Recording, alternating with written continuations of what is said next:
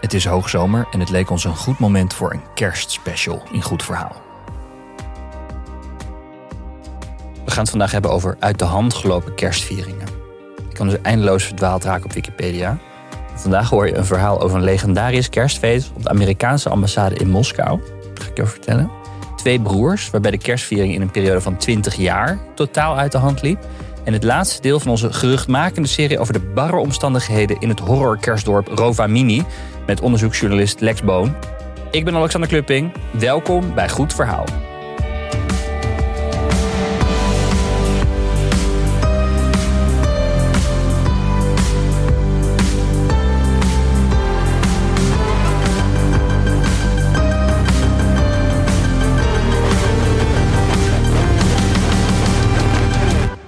In Goed Verhaal kiezen we elke week de beste verhalen voor je uit en geven we ruim baan aan talentvolle makers.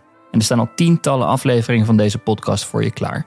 En wil je die bingen? Dan kan dat via Podimo. Ga daarvoor naar podimo.nl slash goedverhaal en dan kun je de eerste 30 dagen gelijk gratis luisteren.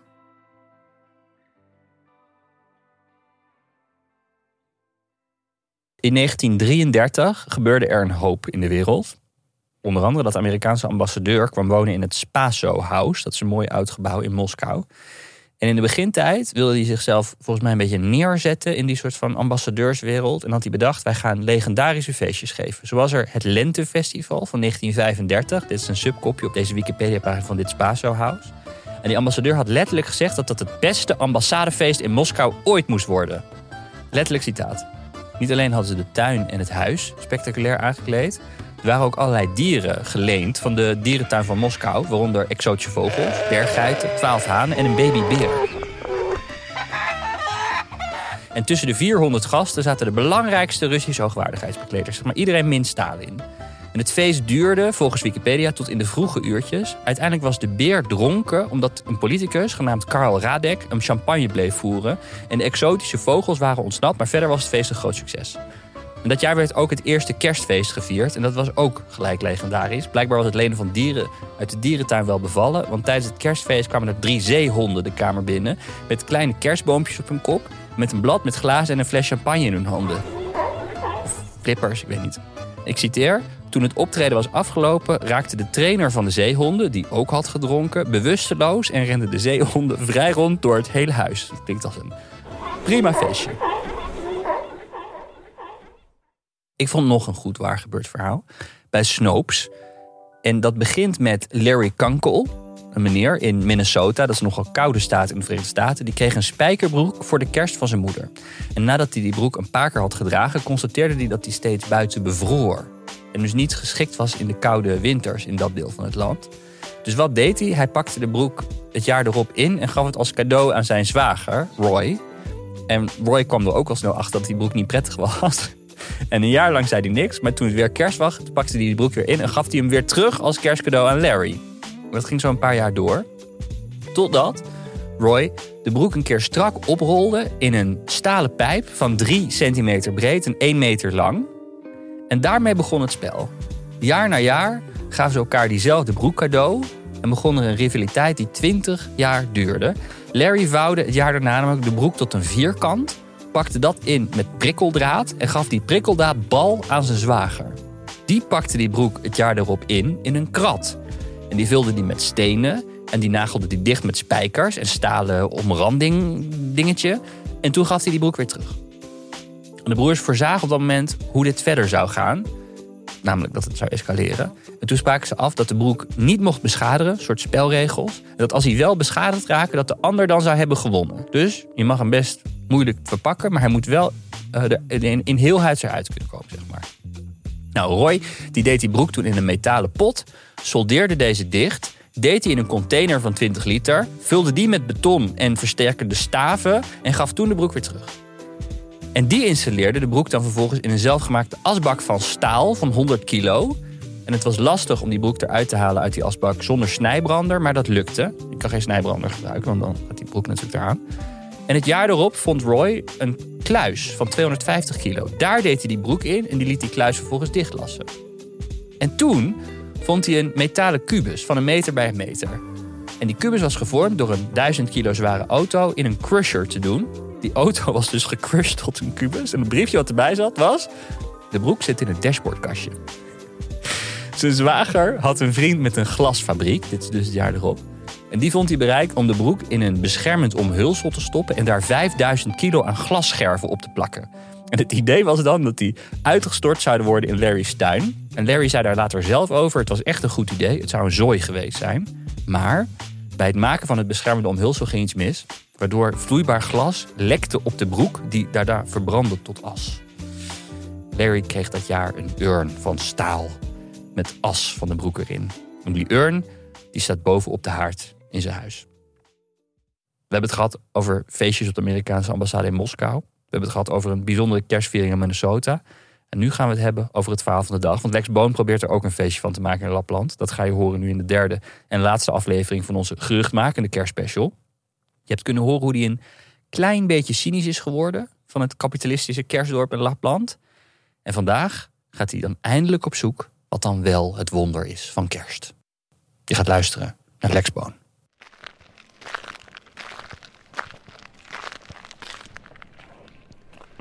Het is uh, een uur of zes ochtends en ik kon niet meer slapen. Dus ik ben naar het dorp van de kerstman gelopen. Het is hier helemaal verlaten. En toen ik hier een paar dagen geleden aankwam, lag overal sneeuw. Het was min een paar graden. En nu is het plus drie graden, zie ik. En alle sneeuw is aan het smelten.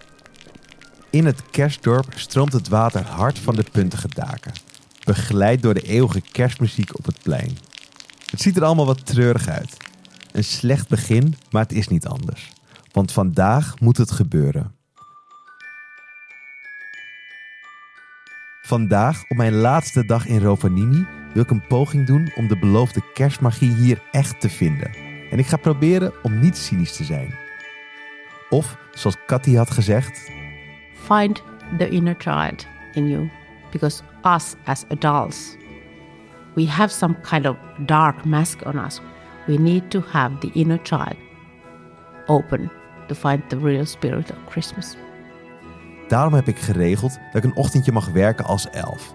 In het officiële postkantoor op de Poolcirkel. Of nou ja, het postkantoor net niet op de Poolcirkel. Maar daar doe ik vandaag niet moeilijk over.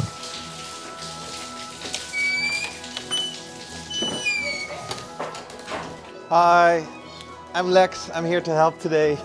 Ik word ontvangen door Elena, een elf met vrolijke sproetjes in haar gezicht. Ze komt aanlopen met een elfenshirt en verschillende elfenhoedjes. Which one do you think is best? The red one, probably, right? Yeah, red one, yes. Yay! Yeah? And I'm an elf? Van Elena krijg ik eerst een rondleiding door wat het hoofdpostkantoor van de kerstman wordt genoemd. Maybe the most unique post office in the world, I would maybe assume. Maar eerlijk gezegd, het ziet eruit als een regulier postkantoor. Maar dan met extra veel kerstkaarten. En twee verschillende brievenbussen. Any time of the year, people can send their greetings and uh, send them either now, straight away, or for, for Christmas, for the coming Christmas. And you save them We save until the end of the year? A lot of them, and then send them in the beginning of December, so that they have enough time to arrive for Christmas. That's nice. Maar die twee brievenbussen zijn niet waarvoor ik zo graag wilde helpen in het postkantoor. Het draait mij om de brieven. Hier komt namelijk de post binnen die vanuit de hele wereld naar de kerstman wordt gestuurd. So how many letters come in every day? Well, it depends a lot on the day and the time of the year. So during the summertime, it's only a few letters a day, or sometimes it could be de- 10, 20, 30. Uh, but around Christmas time, it can be 30,000 a day. So it gets quite hectic. So how do you handle that? Uh, well, w- we have a lot more elves at that time of the year, so because it's definitely a busy time, but it it does take us quite a long time to sort them and Do you open every letter? every letter. So we um, we divide them by country. We need a big big table first, so we di- divide them by coun- by country first, and then then open them and read them. Ieder jaar een half miljoen brieven. En volgens Elena worden ze allemaal geopend en gelezen. Ze nemen mee naar een grote tafel in het postkantoor en ze pakt twee grote manden vol met brieven. These are just uh, letters from all around the world from, from the past few years. They come with a lot of different kind of addresses. Let me see if I have any. This one to Santa Claus, Santa Claus main post office, Arctic Circle. So that's quite perfect. But then some of them just have Santa Claus in any language, and they come here. The people in the postal systems all around the world, they know, they know where to send them to. So. De enorme stapel brieven maakt nieuwsgierig. Ik hoop een beeld te krijgen van hoe andere mensen, kinderen en volwassenen wereldwijd naar de kerstman kijken. En dat ik daardoor ook enthousiast word. Om de beurten pakken Elena en ik een brief en lezen we ze aan elkaar voor. Dear Santa, I'm a nearly 54 years old mother. This is my first time to write a letter for you. Merry Christmas. I've written two other Christmas lists to my mom and dad, but I'm still relying on you as well. Despite the fact that I'm already quite a small girl and I'm 30 years old, but I very much believe in miracles that happen on earth and in your power. Our parents lost their job because of the pandemic and are having a difficult time making ends meet. And then We can you help our family? Oh. Yeah. And it's from Japan or Uh, from Taiwan. Taiwan? Oh, I want to go sledding with Santa Claus. I want to go sledding with Santa Claus. De brieven bevatten tekeningen en cadeautjes. Ze zijn grappig en ontroerend. En ze komen overal vandaan. Ook uit Nederland. Lieve kerstman, ik zou graag een nieuwe telefoon willen. iPhone X of 11 Pro Max. En AirPods zouden er wel goed bij staan. Ook zou ik Nike Jordans willen hebben. Echt prachtige schoenen. Ik vind zelfs een Nederlandse brief van iemand die een Tesla vraagt. Maar de meeste brieven gaan niet over cadeaus, maar over de zorgen die mensen hebben. Over gezondheid, liefde of financiële problemen. Oh, this one from China. And he's just saying he loves his wife so much. And he wants Santa to bless her. she's uh, ho- hoping Santa to help help her with the un- that she's been unemployed since she finished her master's degree. In my opinion, I'm unacceptable for this crazy society. The most important thing I want is to get my loved one back. And I'm worried about it. I don't see any future for me in my country, so I must go abroad. Also, I don't have a boyfriend. And some of my friends even have kids. De brieven laten me niet onberoerd. En Elena zegt dat het werk van een elf soms heftig kan zijn. Yeah, it's definitely it's heartbreaking to read these. And I to. Okay, this is a sad story. Why are we talking about the sad stories? But I remember uh, a few years back, a war broke loose in a in a country close by, and there was a, a drawing from a little boy, and it had like a. It had Santa Claus in a sleigh and flying in the sky, and then it had planes bombing the city under it, and that was very touching and eye-opening. And And so sad that even like his fancy world got like the bombs were in there. can I say off the record? Yes, you can say off the record anytime. Elena wil iets off the record zeggen. Waarna iets volgt wat echt niet zo belangrijk is. Ik doe echt mijn best om me helemaal open te stellen voor de kerstmagie. Maar die paar woorden, off the record, doen me beseffen dat ik hier voor niks ben.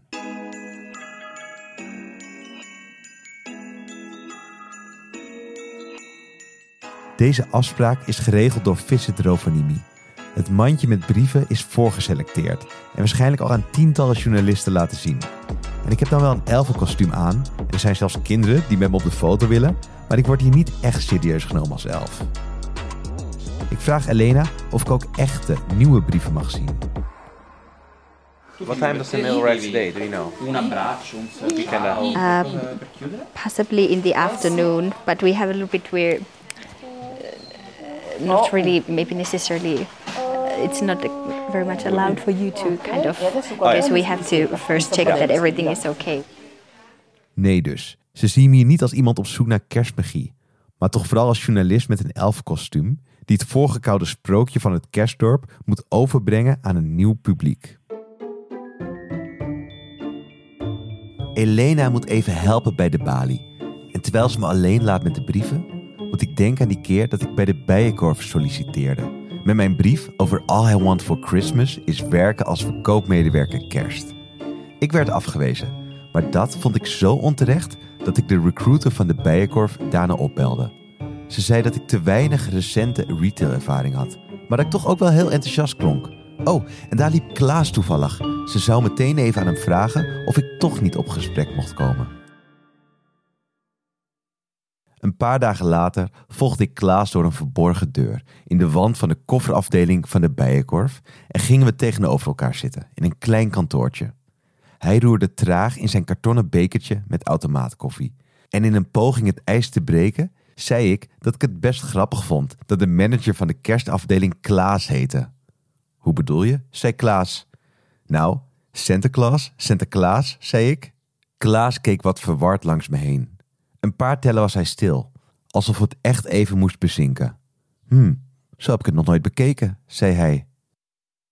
Nadat ik had verteld waarom ik zo graag op de kerstafdeling wilde werken, begon Klaas uit te leggen hoe het een en ander hier werkte. Het warenhuis beschouwde ze als een theater over zes verdiepingen. Niets wat daar gebeurde mocht de magie van de winkelbeleving van de klanten, nee, gasten, verstoren. Dus nu zijn we eigenlijk backstage, merkte ik op. Klaas knikte tevreden en wees op de spiegel op de gang met een rand van lichtjes eromheen, zoals in de kleedkamer van een echt theater. We kletsten nog even door, tot hij zei dat hij genoeg wist en hij beloofde om me over een paar dagen te bellen. Op de drempel met de kofferafdeling kreeg ik een hand en wees hij op mijn kersttrui die ik had aangetrokken. Leuk idee, zei hij. En ik had spijt dat ik tijdens het sollicitatiegesprek niet het lef had gehad om het knopje aan de binnenkant van mijn trui in te drukken, zodat opeens Jingle Bells had geklonken. Een paar dagen later belde Klaas. Ik was alsnog aangenomen en hij vroeg of ik een kopie van mijn paspoort wilde langsbrengen. Ik ging weer naar de bijenkorf en liet een kopietje achter bij de serversbalie. Daarna liep ik even naar de kerstafdeling, die twee maanden voor kerst al geopend bleek te zijn. En eigenlijk, het viel me een beetje tegen. Misschien was het omdat ik backstage was geweest. Omdat Klaas had gezegd dat het allemaal maar was alsof en dat uiteindelijk alles draaide om de targets. Ik kon me in ieder geval opeens niet meer voorstellen dat ik hier het kerstgevoel kon vinden, dat ik hier wilde werken. Een paar dagen later kreeg ik weer een bericht van Klaas. Hij had een kleurenkopietje van mijn paspoort nodig, geen zwart-witte. En die heb ik nooit meer ingeleverd.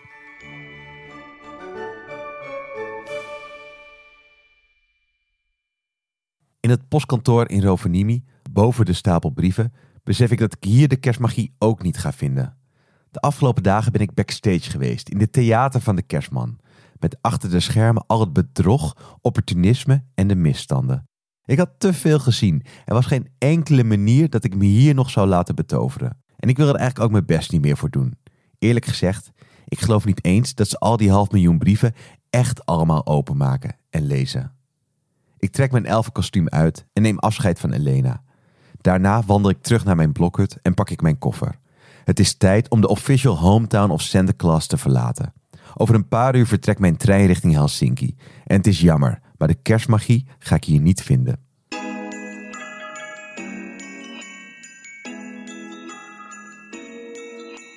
In het centrum van Rovaniemi ontmoet ik Frank nog een keer. En ik neem hem mee uit lunchen om hem te bedanken voor de hulp.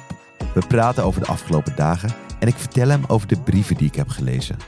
Nee, dus aan de ene kant is het allemaal veel erger dan ik had verwacht. Ook nog over die uitbuiting waar ik geen idee had. En aan de andere kant ben ik ook wel weer gevallen een beetje gewoon voor dat beeld van de kerstman zoals ik dat helemaal niet kende. Gewoon het belang dat mensen aan de kerstman hechten. Dat had, ik, eh, had ik niet. Ja. ja, dat is echt iets wat die Engelsen die hebben dat zo sterk. En die zijn ermee begonnen. Ja. De Nederlanders hebben het denk ik gewoon niet zo heel sterk. Yes, thank you. Eet smakelijk. Tijdens het eten zegt Frank dat het jammer is dat ik vanavond al vertrek. Het is drie dagen bewolkt geweest, maar vanavond klaart het op. En de KP-index, de globale geomagnetische activiteitsindex, is hoog. Oh, en heb ik geen slaapcoupé geboekt in de trein? Dat wordt dan een helse nacht. En dan gaat alles snel. Frank belt een bevriende fotograaf die s'nachts vaak op pad is om het noorderlicht te fotograferen. Je moet gaan, zegt hij. Het kan geweldig worden. Frank kijkt me aan. Ga ik echt weg? Net op het moment dat er iets staat te gebeuren, iets wat de meeste toeristen hier niet eens te zien krijgen. Maar ik ben al uitgecheckt, zeg ik. Geen probleem, zegt hij. Hij heeft wel een logeerbed. En dus stap ik die avond, terwijl ik eigenlijk al in de trein had moeten zitten, bij Frank in de auto.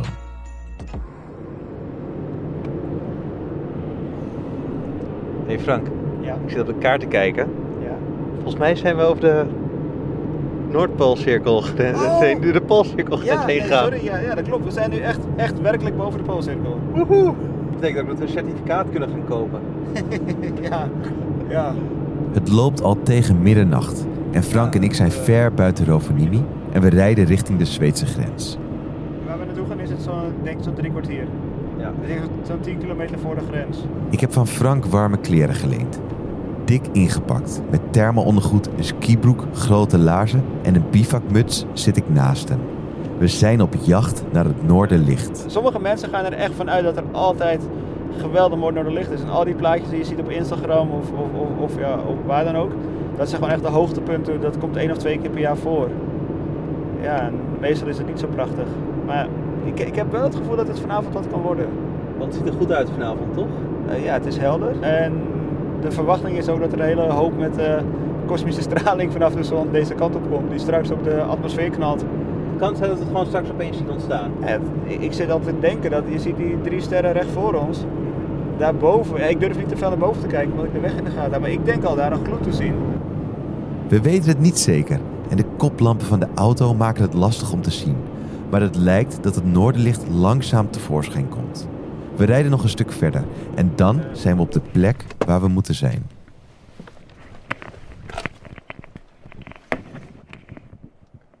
Kijk die sterrenhemel, joh. Ja, zie je Hier de melkweg boven ons. Mhm.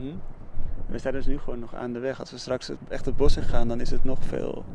Frank gaat voor en ik volg hem richting de dennenbomen langs de rand van de weg. En we gaan straks een, een klif op. Ik denk dat het zo'n 150 à 200 meter hoog is. Met een heel vrij uitzicht richting het noordwesten. En dan eh, gaan we genieten van de sterren en ook hopelijk van het noorderlicht. Hier ligt ook nog wat meer sneeuw, hè? Niet heel veel. Maar... In drie kwartier klimmen we omhoog, over glibberige paden vol ijs en langs besneeuwde dennenbomen. En dan zijn we opeens boven, bij een klein hutje en een wijds uitzicht over de omgeving.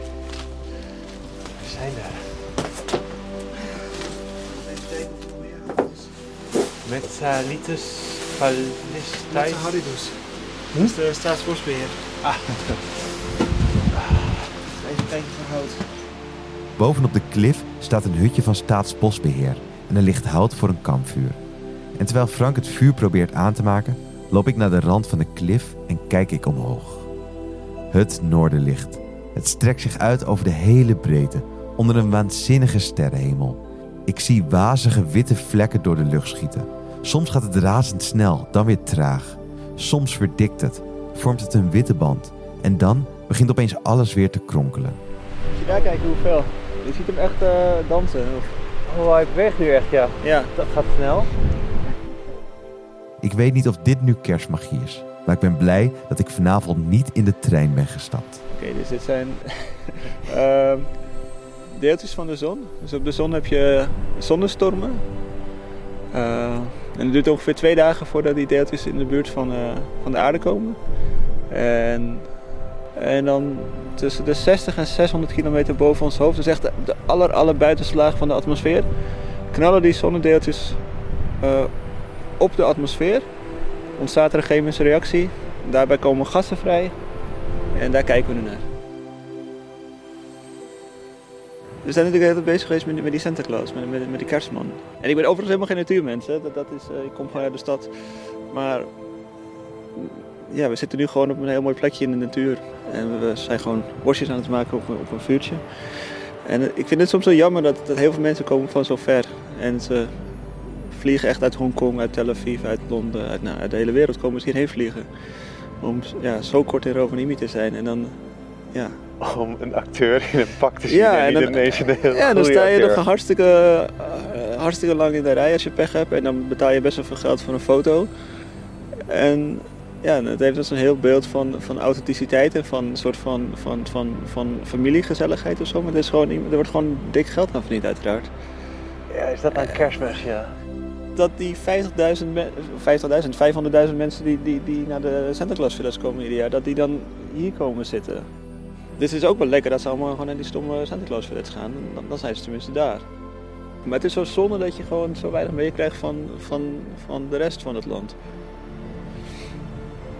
Ja, ja, het, is, het is wel erg moralistisch, weet je. Ik bedoel, als die mensen er blij mee zijn, dan eh, ja. ja. Ik ga weer even bij het vuur zitten. Echt, die, die wind is zo koud. En terwijl Frank teruggaat naar het vuur, blijf ik nog even staan. Diep in de nacht, bovenop een klif, starend naar het noorden. Zo cool.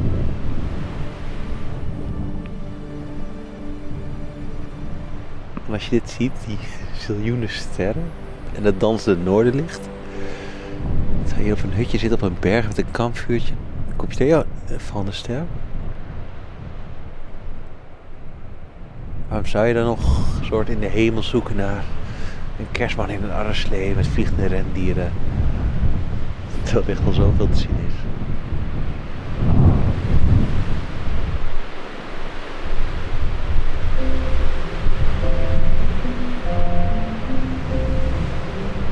Fijne feestdagen.